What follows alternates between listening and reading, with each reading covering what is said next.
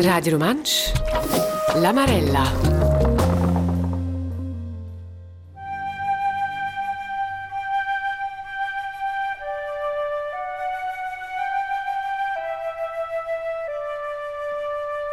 Maceruzia, en adita iacen, quai nu va, il lain non è sec, be plain raja guarda ce roba. Ha? Ruzia, fui, plundere quai. In lona 156 dal marzo avaldi con admissione da nos grandes l'incendi e seguì.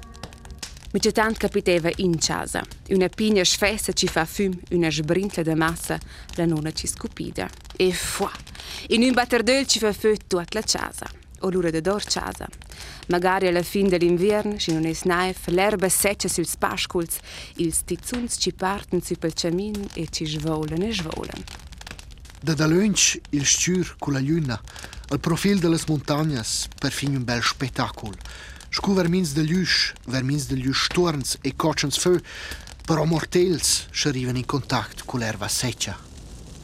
Fuà! In dus e dus quattras derasa il feu sulla prada ed il vent porta las sbrinzlas, oters tizuns, novs vermins da llum diabolics, un spectacle infernal.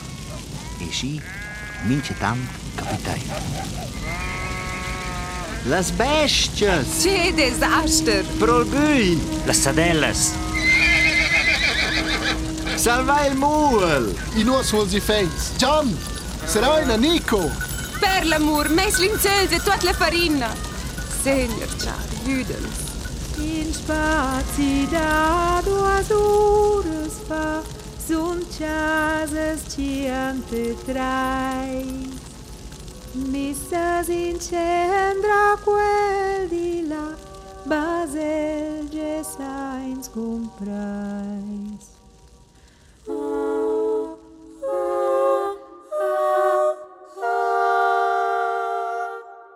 Non lo sapevamo preciso in il feu deva stuse sruata ora. No conoscein però una delle risposte che il Segner ha dato quella iada in marzo 1856, las chiasas de Schlin sun in cendra, quau la fuma mosot il cimaint, pac davent, io strada, in la frazione Las Rossas, nasce il zot de marz, de vot trais dis de döglias, un taffer un bel matin, ci n'era battia sul nom Jon. Jon Lützi.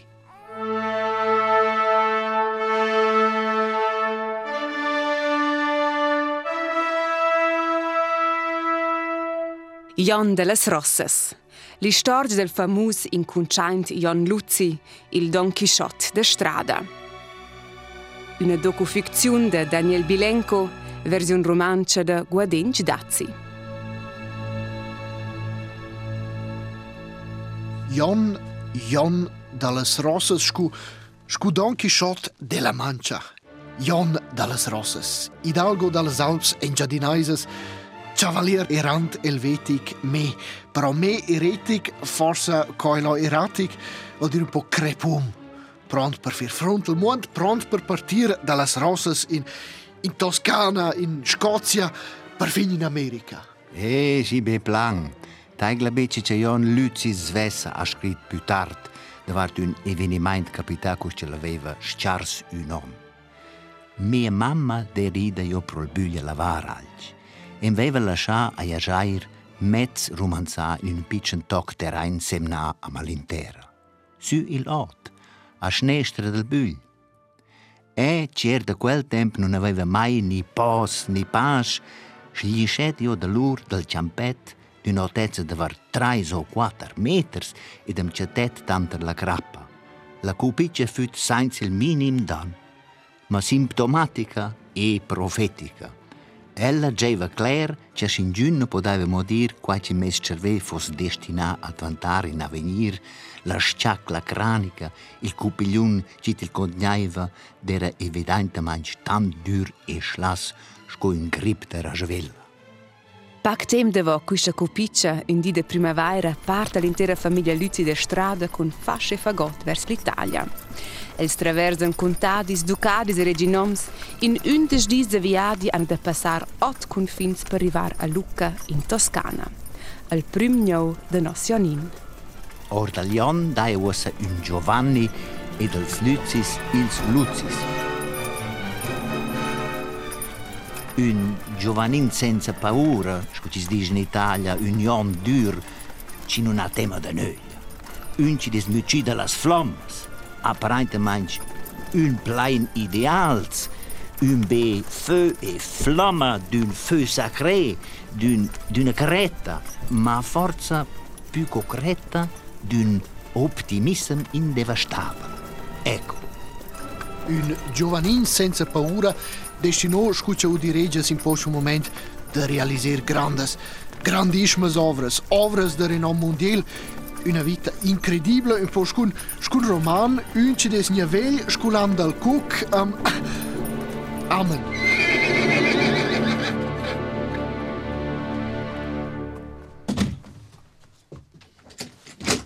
Ecco. Wassa. Eccomi. Quel, quella regia ho detto che il sai in prons che possono cominciare. Sì, però forse c'è quart bed giusto due splits. Mm -hmm. Di mena, che volevi dire? Ah sì, il Ion delle Rossas.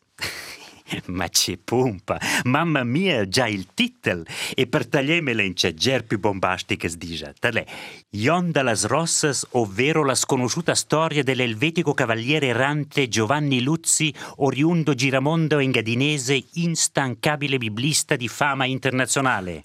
Pah, da claper temba. ma padre qua dal sud, qua dal sud sono da natura un po' più barocchi, eh? Beh, è proprio stes da dir svelt un quart riassunt. Di mena, ci es quist Jon Luzzi, nie famus più tard scu Giovanni Luzzi. Basta dir che, grazie a sia instancabile attività scu scienzo ed expert della Bibbia e scu traductur poliglot, es el il prim che realizzò per quels da lingua italiana una versione moderna della Bibbia. Con otters plets en chots circuleschen millis per na dir des millis de sies bibges cun sia nom sul frontispizi. E per esser lura clear, ens la traduzione del Luzzi dava in Italia la Bibbia B per latin.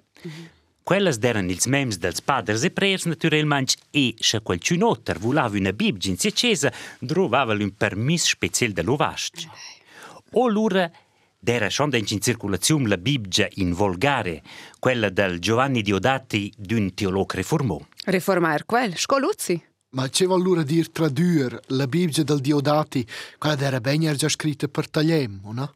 Sì, il Deodati, un protestante oriundo della Toscana, che però vivia intorno al 1600 a Ginevra in Svizzera, e aveva già tradotto la Bibbia però in una lingua quasi terra antiqueda. Di mena, o che tu sapevas latin, o che tu capivas il italiano davanti a cendons.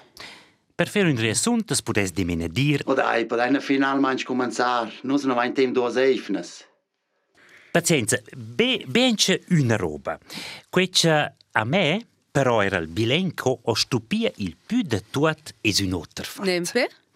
C'ha adonte da tutte le ovras proprio straordinarie, adonte c'è sia lavoro titanica da passa sa sentanzi, adonte c'è elvava da sia tempo un nome a livello internazionale, insomma c'è adonte tuat que il Giovanni Luzzi esoz in Italia, però era in Svizzera un... Uh... Un famus inconscient. Mm. Exact. Ma dai. E sì, è per mia parte non va in mio dire qualcosa da questo Jon Luzzi. E perché ti sai allora in vlida? Ah, exact che co am summa domandò ere. Mi fus di men da ricercar. Eccoti, precis que. Nus vens per quet tramis un giornalist, un della RSI, da Radio Televisione Svizzera, als stizis da Jon dallas Rossas. Jöllala. Ah, in cian da ciaccia tessinais. Sì, Daniel Bilenco esia ils lös in uccia Jon Luzio vivia, ho raccolt tums e materiel e fatto un'altra intervista. E là, in giocino da nuglia, C'è un guata. in giuns tons tu cuc in quel cas nina in azione no qui o co faina. Exact. Lo in nuoce non è possibile de documenter, es de scriver, desimmaginer, collier, forse quell'ora un po' d'inventer, ma ma dai, genza in piazza a Lucca in cerca della pasticceria dels Luzis. Importanti della comunità era, era Enrica Bernardini. Ora io ti porto a Palazzo Bernardini. Questa signora, per non dividere il patrimonio, fu invitata a farsi suora e quindi fu mandata a San Pancrazio in un convento di suore, ma lei scappò. Ecco questi quinte coli storge dalla Lucchese Riccia ci des diventede riformeda per nastuvairi in clostra es Marcello Chitti della Baselgia Valdaisa da Lucca. C'è per Valdaises? La Baselgia Valdaisa è una confessione cristiana riformeda, una che esiste già quasi mille anni, di mena già Ens Luther e Zwingli, ma questa è tutta un'altra storia. E questa Enrica Bernardini ciao se era da far con Luzi? In sé in guata, a me plagiava semplicemente la storia, per, per introdurre Luca, però, co, piglie, guarda. Qua a Lucca, Jon Urs Giovanni Luzzi era a scuola ad una sco unic scolaret da creta reformata, una mosca bianca, per usci dir, ma del non disturba quai, anzi è la buns proders cattolics. Fin già da mat, judel anche la drogheria ed anche il bar che papà e mamma hanno aperto il centro della città e la via fil lungo. Al locale della famiglia Luzzi oggi ha diversi nomi. Caffè Elvetico, Caffè della Fratellanza, Caffè Filarmonico. Als Luzzi piaceva la musica. Eh sì, nos Jon, quello per fin imprensa su l'energia. Ti lo d'una portata con sé e su un'ogia tua zia vita. E un po' scutre da gin.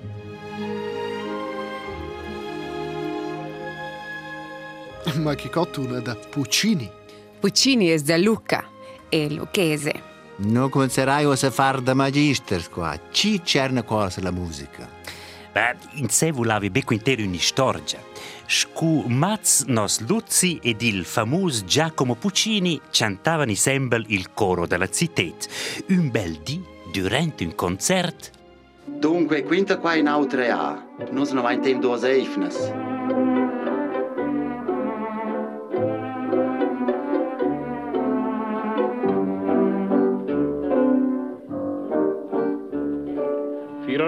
Firenze stanotte sei bella in un manto di stelle. Firenze, Che bello! Al Rinascimento. il Michelangelo. La Fiorentina. Forza Juve. Ma sì, la bistecca to casa. Ah, Questa musica però Stop, stop, stop, stop. Appunto, calma. Ens cuce gens propria Firenze, ci non es questa Firenze com, ma una tutt'altra, stenza in un momentin con nos Jon. S'infanzia non ho ni mia be pesanto a Lucca, da vai randolin in cerzans durant l'estet il tornò con sia famiglia in Ingedina Bassa. Uassa col tren, via Meran e zieva in Cerozza.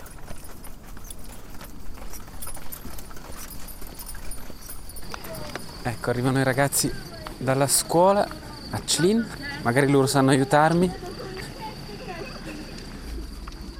Allegra, ciao. Voi capite un po'? Un poquito. Dov'è Las Rossas? Rossas. Scuola Cercius, Las Rossas. in strada. Ah, è giù più basso. Si chiamano le Rostas. Ma non è Rossas chiavas. Ma è Rossas che Allora non è proprio Clin. No, è strada. La prima casa che va dentro la strada si chiama le Rostas. ok. Perché io cerco Yonda Las Rossas, Yonda le il Rostas? Giovanni Luzzi. Non conosco io. Ok, grazie. ci è questo? Ma questo è appunto Daniel Bilenco, ci sono messo il stizzi da Jon Luzzi e ci displacciò il primo cent su un posto e zieva su Clin. Ma un po' cocktail schon, quest, ha? Che giornalista si nai. so ben min cince sent, non è schlin. Simpatico, però dai.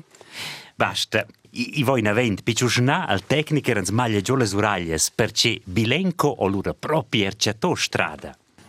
Ciao Maria, Maria. ciao. Allegra. Allegra. Hai. Come vai? Hai, Bene? Tiptop, Lo- tiptop, fitch. Hai. Sì, sono in vacanza. Außer für eine gute Registration per Vita Giovanni Luzzi. Du hast ein Projekt. Ah, Progetto da. Gianna Moditi Hai. neata. E sto domandare, e non sa più ciccia li devo domandare a te. Eh? Qui in Baselgia c'era no, no, ein, ein, ein gute, gute piccola eh, situazione in gioco c'è la quinta c'è la ravarenda di la trat per l'Uralia perché c'è il suonava massa ferme massa dura questo eh, al, al sign della Baselgia ed era un'educazione severa oh? Sì, sì, guarda, era da... Ella ha detto, Lucia ha detto loro, ha scritto forse c'è sia una raverenda a causa di quel piccolo incontro brutale. Che è stato il suo battesimo di fuoco. Il battesimo Ah. di fuoco. Ah, No, mm. eh, ma Ah, questo- sì? io non ho mai fatto così con No, con- no, era, era bene. Ed ossa, in Joeschen? Il buttia a strada. Nos giornalisti in compagnia de Hans-Peter Dürr ci discorre co con la buttiera. E ci è quist dur?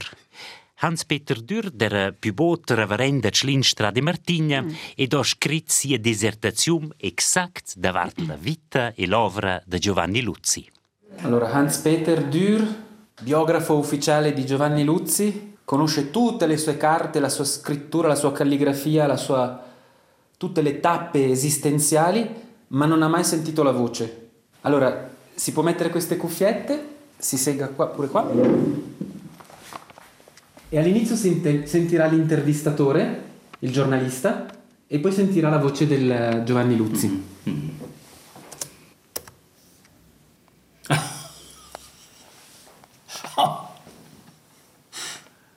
E non so di guata. Ehi, e Sal in romanzà qui è nos tecnica.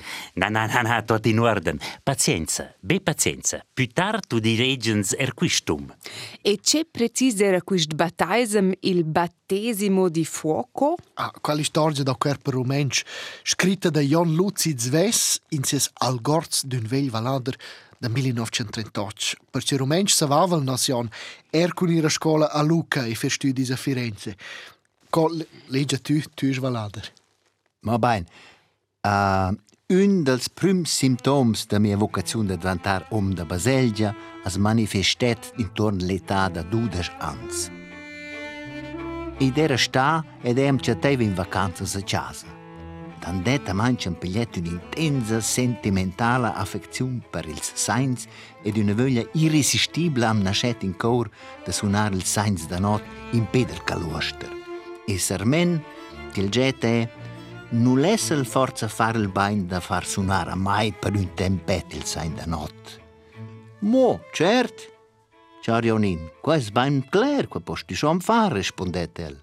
E proprio quella stessa sera è cominciat e mince sera eu già aveva pigliant tant gust da mes in charge che il Sainz da nota strada as faiven ad una più lungs, interminabels, strepitus, tant che alla fin in odera più Sainz da not mo bain da fatta Sainz da sturm. e c'è di quals de strada? Quel sunit suclin as lamentar pro ravarenda e quel, tenor Luzzi, un om da pag plets, ma d'una struttura atletica da corp e del poing posaint scomals, ti la aspetta un vender di saira, zopada o lust baselgia e ti la ciuf per las uraglias cuts plets.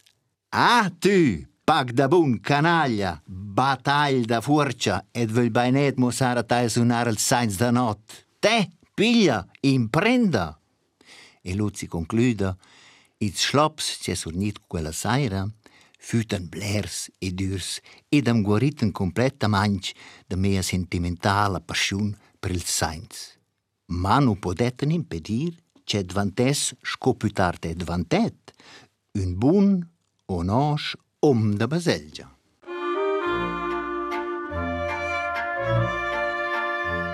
Außer wenn ihr rencias Frenzlis. Firenze, qui è il valzer, mia bella Firenze. E c'è anche cosa da c'è fer con Jon Luzi.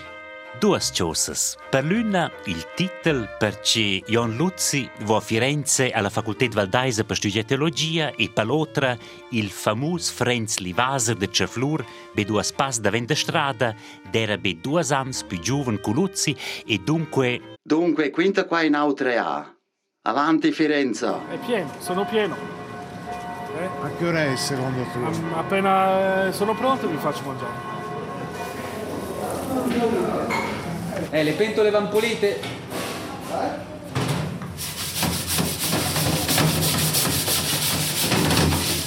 Ma eh, sono praticamente invisibili perché si vergognano a raccontare le loro storie, però insomma si vedono anche persone che ti chiedi come, come possa essere possibile che, che vengano a mangiare qua perché c'è ancora un filo di dignità addosso a queste persone. Non sono tutti barboni, ecco, non sono tutta gente, si, si vede proprio addirittura a volte ci sono delle famiglie intere che, che vengono, ma- padre, madre, bambino, bambina, che sia, e, insomma si è, visto, si è visto molto questo negli ultimi anni. Nel del Padre, del Figlio e dello Spirito Santo.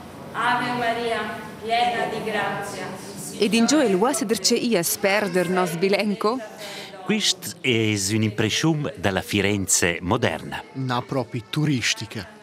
Il giornalista ens portò la mensa dei poveri vuol dire una c'è da feu ci sporge pasts liet in difficoltà economiche liet all'ur della società. Di mena Jon Luzi va a Lucca, Firenze, l'ura ad Edinburgh per tornarci a Firenze, in cui si occupa del sport della città. Un, un cevalutter. Fenza un po' guarden. Giovanni Luzzi perda ses genitori in l'età da Jufnot. Raps al Pache Nöglia ed ella si trasferisce da Lucca a Firenze per studiare teologia alla facoltà Valdaisa. La facoltà di teologia non ti va però per staila als dogma se l'ortodossia calvinista ti vem contra il stric. In quel tempo es prepara pels examens, ci superesce tutti con bravura. Di mine nabe un crepun, ma er testa fina. Studier studia per obger e con grande passione. Nell'università, ma la saira es perfezionesce la lingua ebraica ed il grec. Es in contatto con melder specialisti del tempo e legge cuders davart la storia della teologia cristiana. Ed spera durante il dì lavurel e lavurel. Els ingages come magister in una casa per orfans, indipendentemente da loro derivanza e confessione. El cusaglia, accompagna e fa coraggio a questi giovens. Insomma, el ha due o perfin tre vocazioni al medem tempo. Dobla. Tripla. E qui è scritto, Shea. Exact. Quella scu predicant primo, per sfruttare della Bibbia secondo e quella scu lavorent sociale. Il etet da 30 anni, il 1806, venne l'ordino scu predicant e vo in Scozia ad Edinburgh. Edinburgh. C'è va a farla? Un stipendi. E co, per la teologia, nus approfondisce il be la lingua ebrea, imprende inglese, ma fareggia er la conoscenza con la donna da sia vita, Eva Henderson. Da ella savens me la vita be poc, però ella stessa stede un gran sostegno. Scrive nette e redige sia texti, spertre su tra i fans e ciaseda Sco ad una, da sper mince grandom dai una grande donna. Senza dubbi. Ed oltre da que, nos Jon Luzzi vencò in contatto con l'Armeda del Salut, un'istituzione evangelica che ti l'inspiresce profondamente. Perché appena tornò a Firenze, mette l'inciamma e gestisce con altri volontari per 20 anni una mensa per i poveri ed insieme con circuino scozzais un medi, Evrel un ambulatorio gratuito per poveri. Da va mince grand om daia un grod quina. Ma nins a sia grande incumbenza alla traduzione della Bibbia.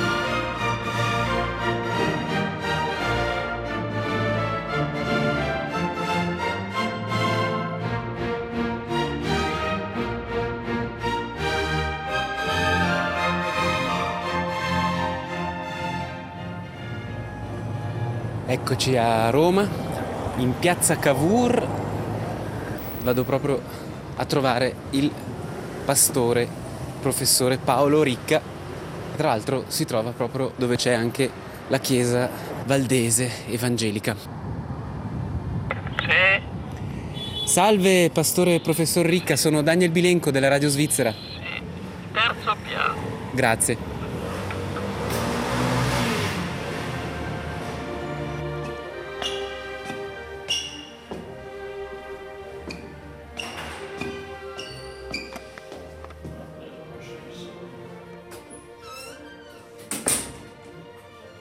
Non si può essere cristiani senza leggere la Bibbia.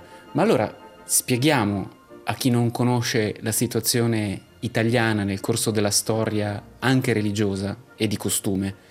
Un paese cattolico-cristiano, eppure nessuno poteva davvero leggere la Bibbia. Difatti non, non- non era lecito leggere la Bibbia senza chiedere il permesso addirittura al vescovo, non bastava il permesso del sacerdote della parrocchia in cui un laico viveva. Questo cosa vuol dire? Vuol dire un impedimento pratico, concreto per la lettura della Bibbia, ma c'è stato di più. C'è stato quello che una studiosa Gigliola Fragnito ha scritto un libro intitolato La Bibbia al rogo. La Bibbia al rogo, ci sono stati roghi di Bibbie in Italia, cioè l'Italia è un paese in cui ci sono stati roghi di Bibbie e c'era nella mentalità dell'epoca in parte era giustificato l'identificazione.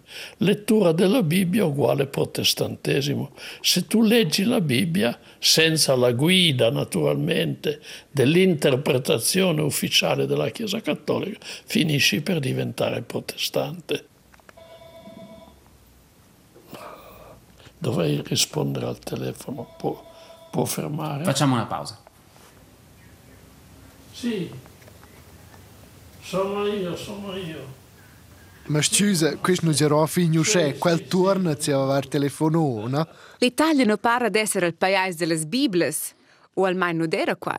Però sono interessante questo tema della Bibbia, un tema naira. E allora, voi sapete che ci sono questi roghi che menziona quel professor Ricca? Ah, was fai tu da magister? Scianglers da feu vol qua dir, les autoritats italianas ardeven sulle Biblias più bot. Orca di bacco. Oter c'è Molins de Vent, oter c'è Don Chisciotte della Mancia, il nos Jon dallas Rosses. Un super eroe. Ma na, ma na, piuttosto uh, scugiavan cols tagliems un, uh, un giovanin senza paura. Piuttosto quello.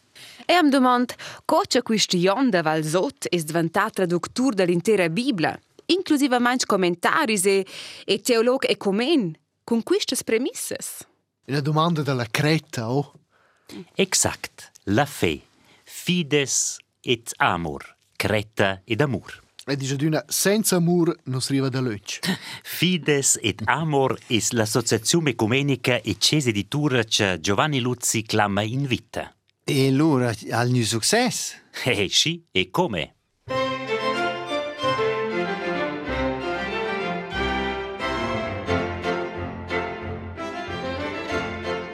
Jon o Giovanni Luzzi diventa concent. Els ha fatto un nom, es un'autoritet il ciam dels studis biblics ed ha pubblicato articels importants ci chatten un grand resun. In november 1912 van invità Giovanni Luzzi della Princeton University il Stati Units per una serie di prelezions davart la Basilgia Valdaisa. Ma nasce il parte in avril del 1912 con la Titanic. Al prim refusel l'invit al montagnard chalés n'opera a mi delle ovas grandes.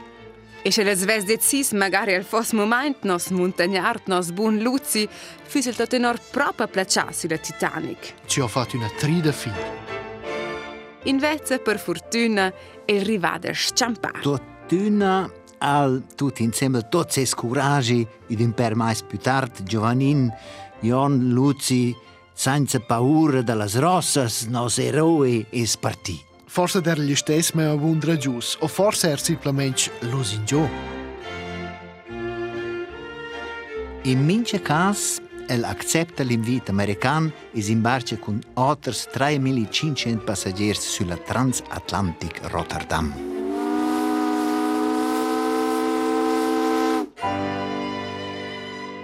La prima destinazione è la famosa e prestigiosa Università di Princeton.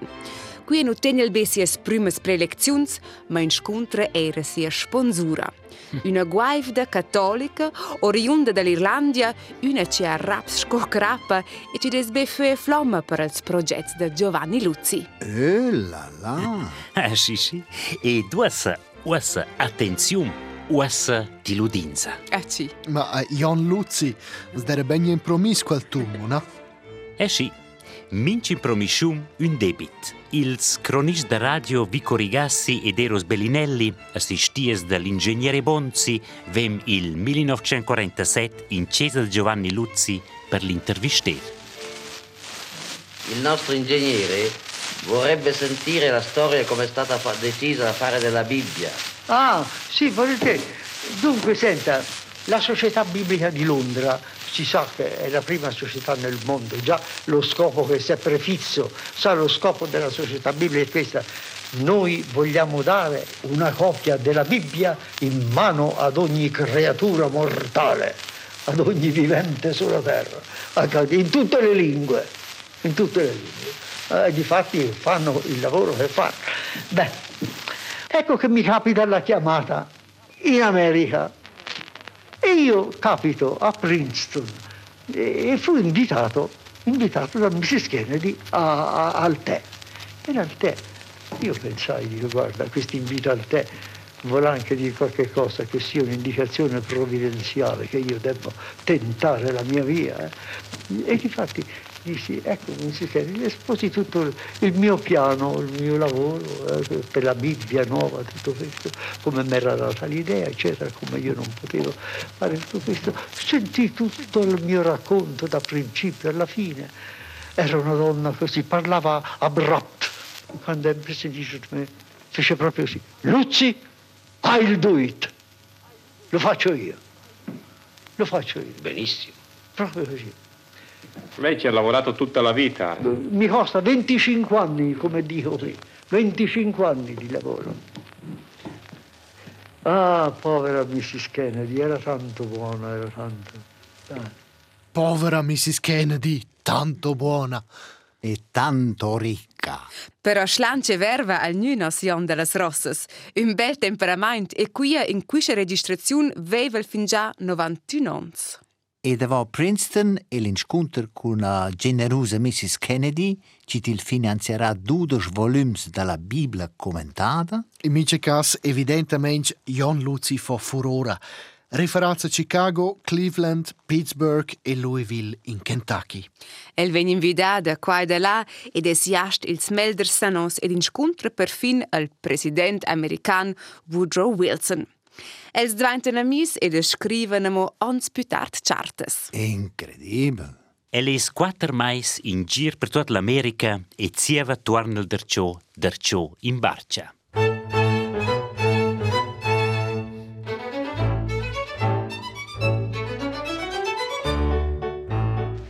E quanto tempo aveva messo per fare il viaggio? Eh, sì, che per parecchio tempo, un mesetto. eh, sì, sì. Ah, un mesetto di bastimento? Sì, sì, sì. È interessante. Interessantissimo, Beh, perché era grande, eravamo 3.000, 3.000, 3.000 eravamo.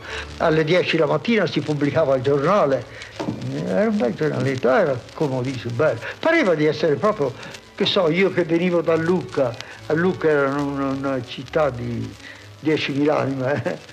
Mica 3.000, pareva di essere a Lucca. Ah sì? Proprio sul battello.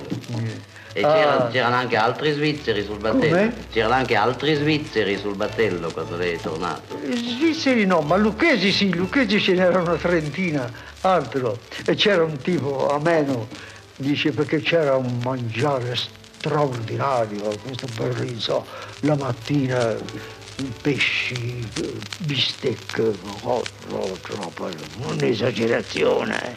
Allora un lucchese diceva, "Eh, amici dateci dentro, Coraggio perché domani si entra nel Mediterraneo e siamo vicini alla polenta. Ah sì, Torna la polenta, dice dateci dentro come suona la predica. perché domani si torna alla polenta. Questo è bellissimo. Un bel tipo era. –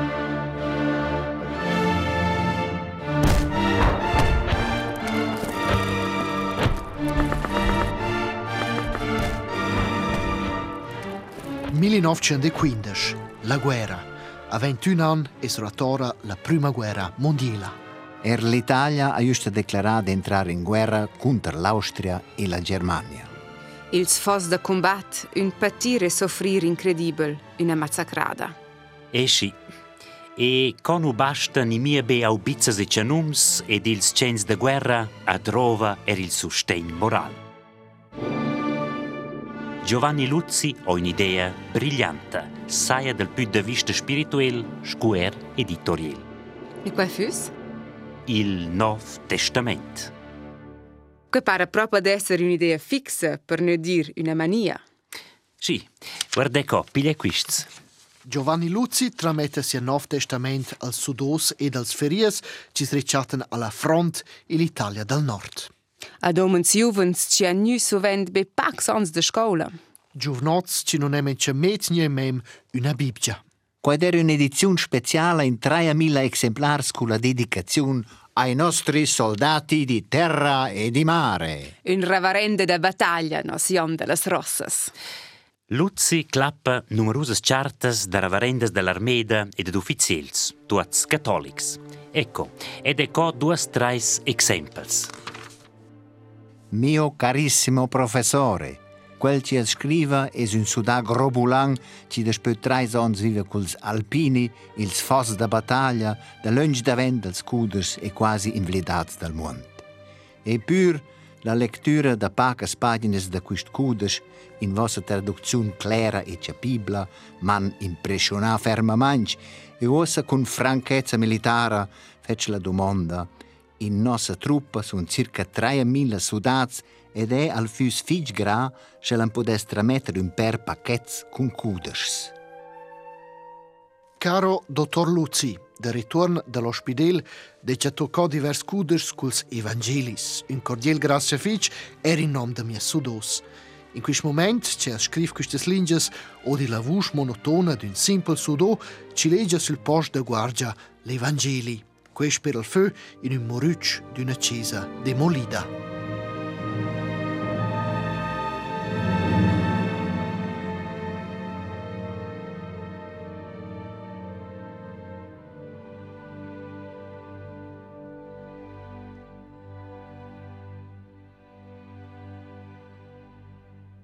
La guerra livra in november 1918. Pax ans più tard, els ans vanch, es transferisce la facultà valdaise de teologia da Firenze a Roma. Roma, la capitela e il centro del mondo cattolico e con cui er punct neuralgic per la vasta diaspora protestanta e missionaria il mondo latin cristian. E la corifea momentana, il professor Giovanni Luzzi, ha l'onore di tenere il plet d'apertura. Luzzi ha successo ed vinto una carriera accademica brillante e si Bibbia per il gran pubblico scuola grandi specialisti e sumbuma via.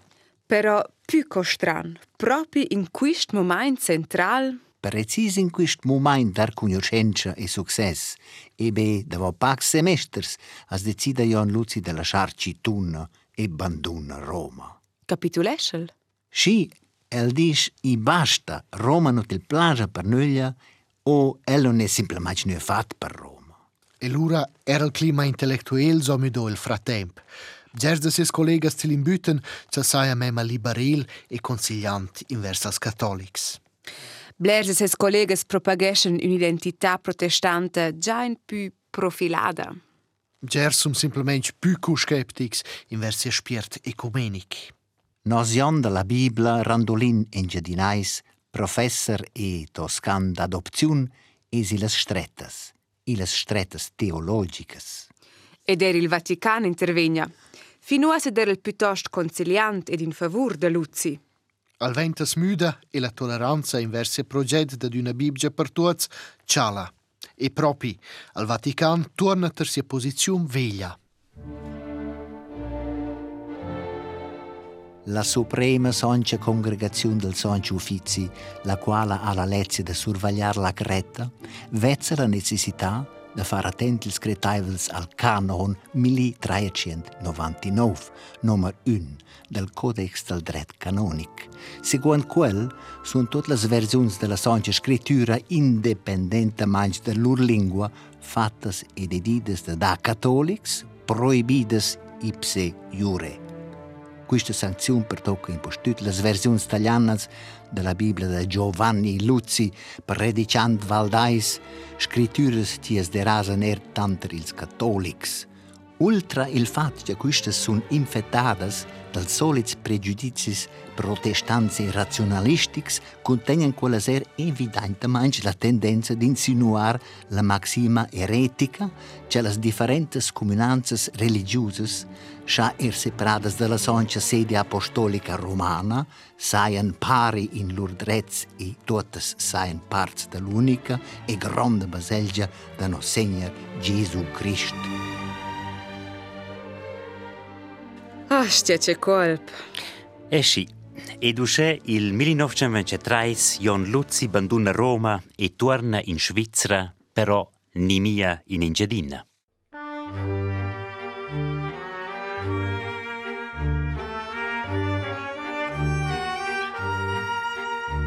Müff, Müff, c'est me. Müff, c'est manca me. Io sono Luthera. Eh, sono cattolico, ma non è colpa mia.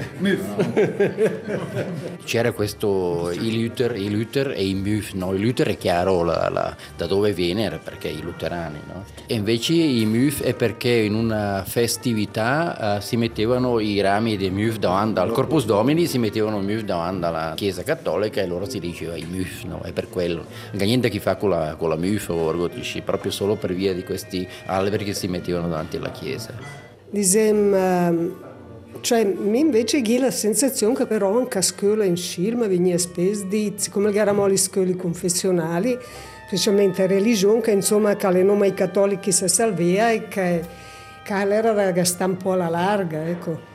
L'unica roba era che, cura sa portiamo Rusaka, gira e rivolta la domanda alla rivia, il cattolico o riformato?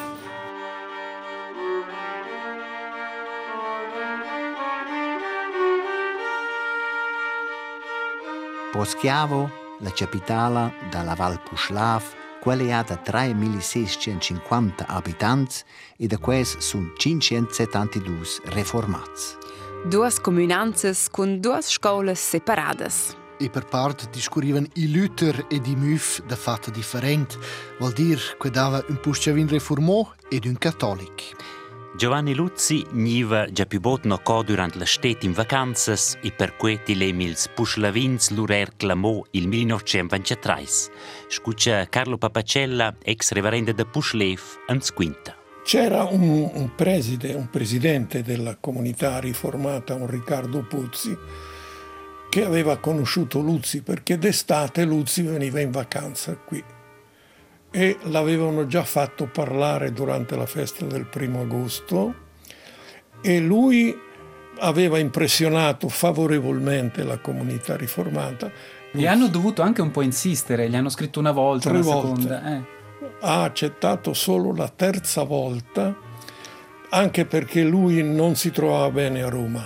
Era una città per lui fuori, era cresciuto e vissuto a Firenze, quindi non andava più bene e voleva cercare un luogo tranquillo dove poter terminare il lavoro di traduzione della Bibbia. E quindi ha pensato che questo fosse il luogo adatto per lui ed è venuto nel 23 ed è rimasto fino al 30 come pastore, perché poi è andato via, ma è poi ritornato fino alla morte.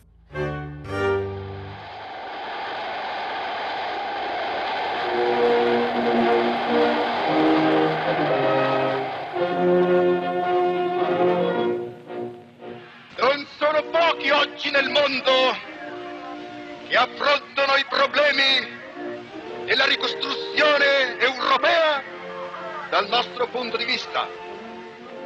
Ma dai, sto a sniro serenze con questa. Ma Claire! E non era nimia l'unic.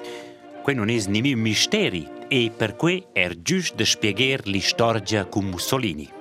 Scubgers de ses conscolars, cresce su durante els ans de l'unificazione dell'Italia, der Erion Luzi fascinò da questo risorgimento nazionale. Na peringuota ce l'ha dedicato durante la prima guerra il Nuovo Testamento ai nostri soldati di terra e di mare. Una tragedia quella guerra con milles e milles di vittime. E c'era la guerra, un'Italia ci sente ingianeda, priveda da sia vittoria. E Jon Luzi scoblersi in Italia durante il Zons Vanch. Professors ed artisti comprais. E Rion de las Rossas es lascia surmanar. Entusiastic del nuovo orden in Italia, fondel als ans vench un fascio, una gruppa fascista pels lavorens tagliems ci lavuren in Val Puschlif. E na parenguota che Giovanni Luzzi clapa del 1927 dal consul italiano a Cuoira la medaglia da distinzione sco Cavaliere della Corona d'Italia. Elsa lascia surmanar. O forse va valer l'illusione di poter surmner al duce. Vuol dire? Luzzi creiava che Mussolini volesse costruire un'Italia nuova su base e fondamento del cristianesimo. E sì, cosa avesse altramente tu interpretare il fatto che si è reintrodotto l'instruzione religiosa nelle scuole pubbliche e da c'è penduto in mince stanze da scuola per il portretto del duce era il crucifix. Il 1930 abbandona Giovanni Luzzi il Puslav e torna a Firenze. El trametta 500 esemplari dall'edizione commentata del Nuovo Testamento all'adressa da Mussolini, ci scocipara pregia questo regalo. Al Nuovo Testamento, in prometta al Duce, vegna distribuire in scuole.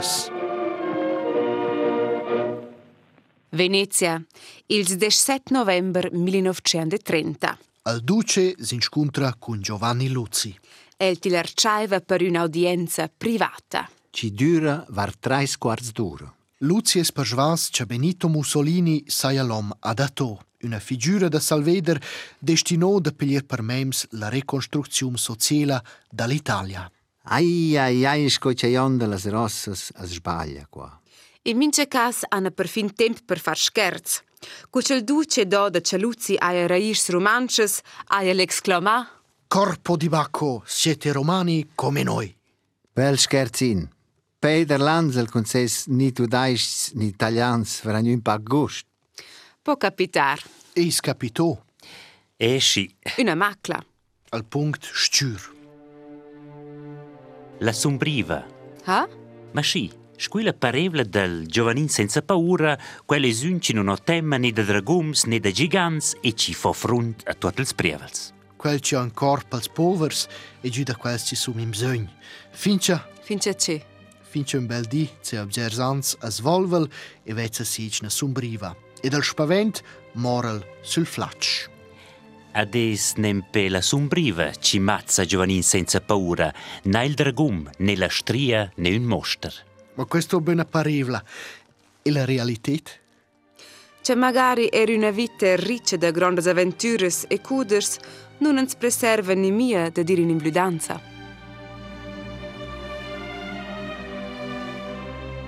E quindi la Bibbia del Luzzi, che è anche un unicum, non c'è nessun altro italiano che io conosca che abbia fatto qualcosa di analogo, nessuno.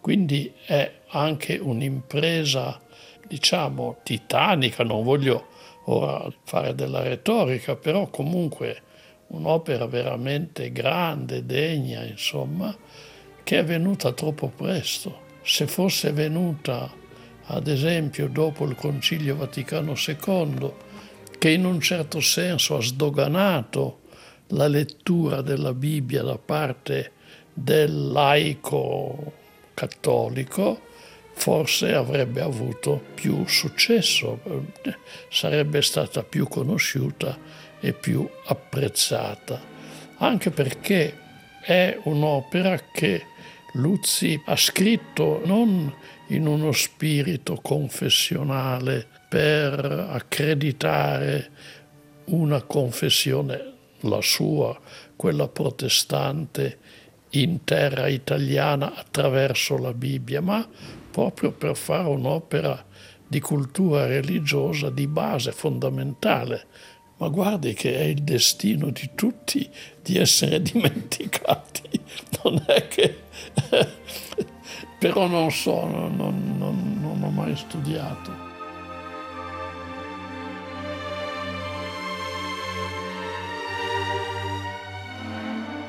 Ecco, füssens rivos alla fine.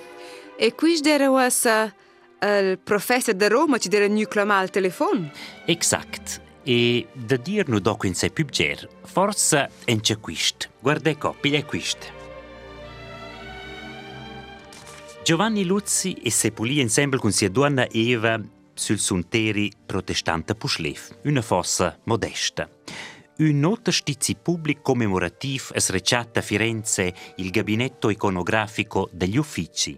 E là sto scritto Luzi Giovanni, nata a Schlin il 8 de marzo 1856, morta a Poschiavo il 25 de Schner 1948. Animatur de las più belle energies spirituales, apostel de la bontà inverso els povers ed affadiats. Reverenda Valdais a Firenze 1887 fin 1902. Professor de sistematica alla facoltà Valdaisa. Bab dell'opera monumentale La Bibbia in due stoms. Ecco, que fus steda la vita remarciabla e le ovre sorprendentes de d'un ci despartia de strada orent il muond, un ci o grazie sia schlanch, mis in moviment ger, un ci o lavoro e dirito appunto un Jon de las Rossas, scucel del rest in circuls rumens es titulava Gugent Ersvessa. E finalmente eccomi nella mia patria, a riposo. Il più spesso che mi è stato possibile sono tornato a rivedere la mia gente, i miei monti, i miei ghiacciai, felice di poter fare qualche cosa spiritualmente anche per il mio paese nativo, circondato dall'affetto dei miei antichi e buoni parrocchiani, con la coscienza d'aver fatto anche per il mio paese quel che potevo per il vero bene dei miei compaesani, sto aspettando la mia grandora, la mia definitiva chiamata.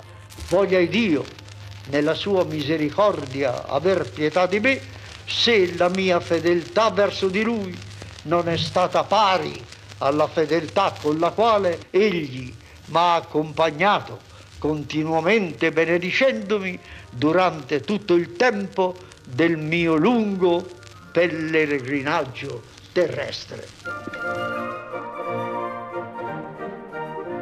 Jon Dallas Rossas. L'istorgia del famus inconciant Jon Luzzi, il Don Quixote de Strada. Una docuficzione de Daniel Bilenko. Versione romancia de Guadenc Dazzi. Con las vus de Dana Serrar de Campel, Arnold Rauch, Tobia Faler, alla tecnica Not Franciscus, grazie c'era l'RSI all'intera squadra da Rete 2. Is a buon, passer. La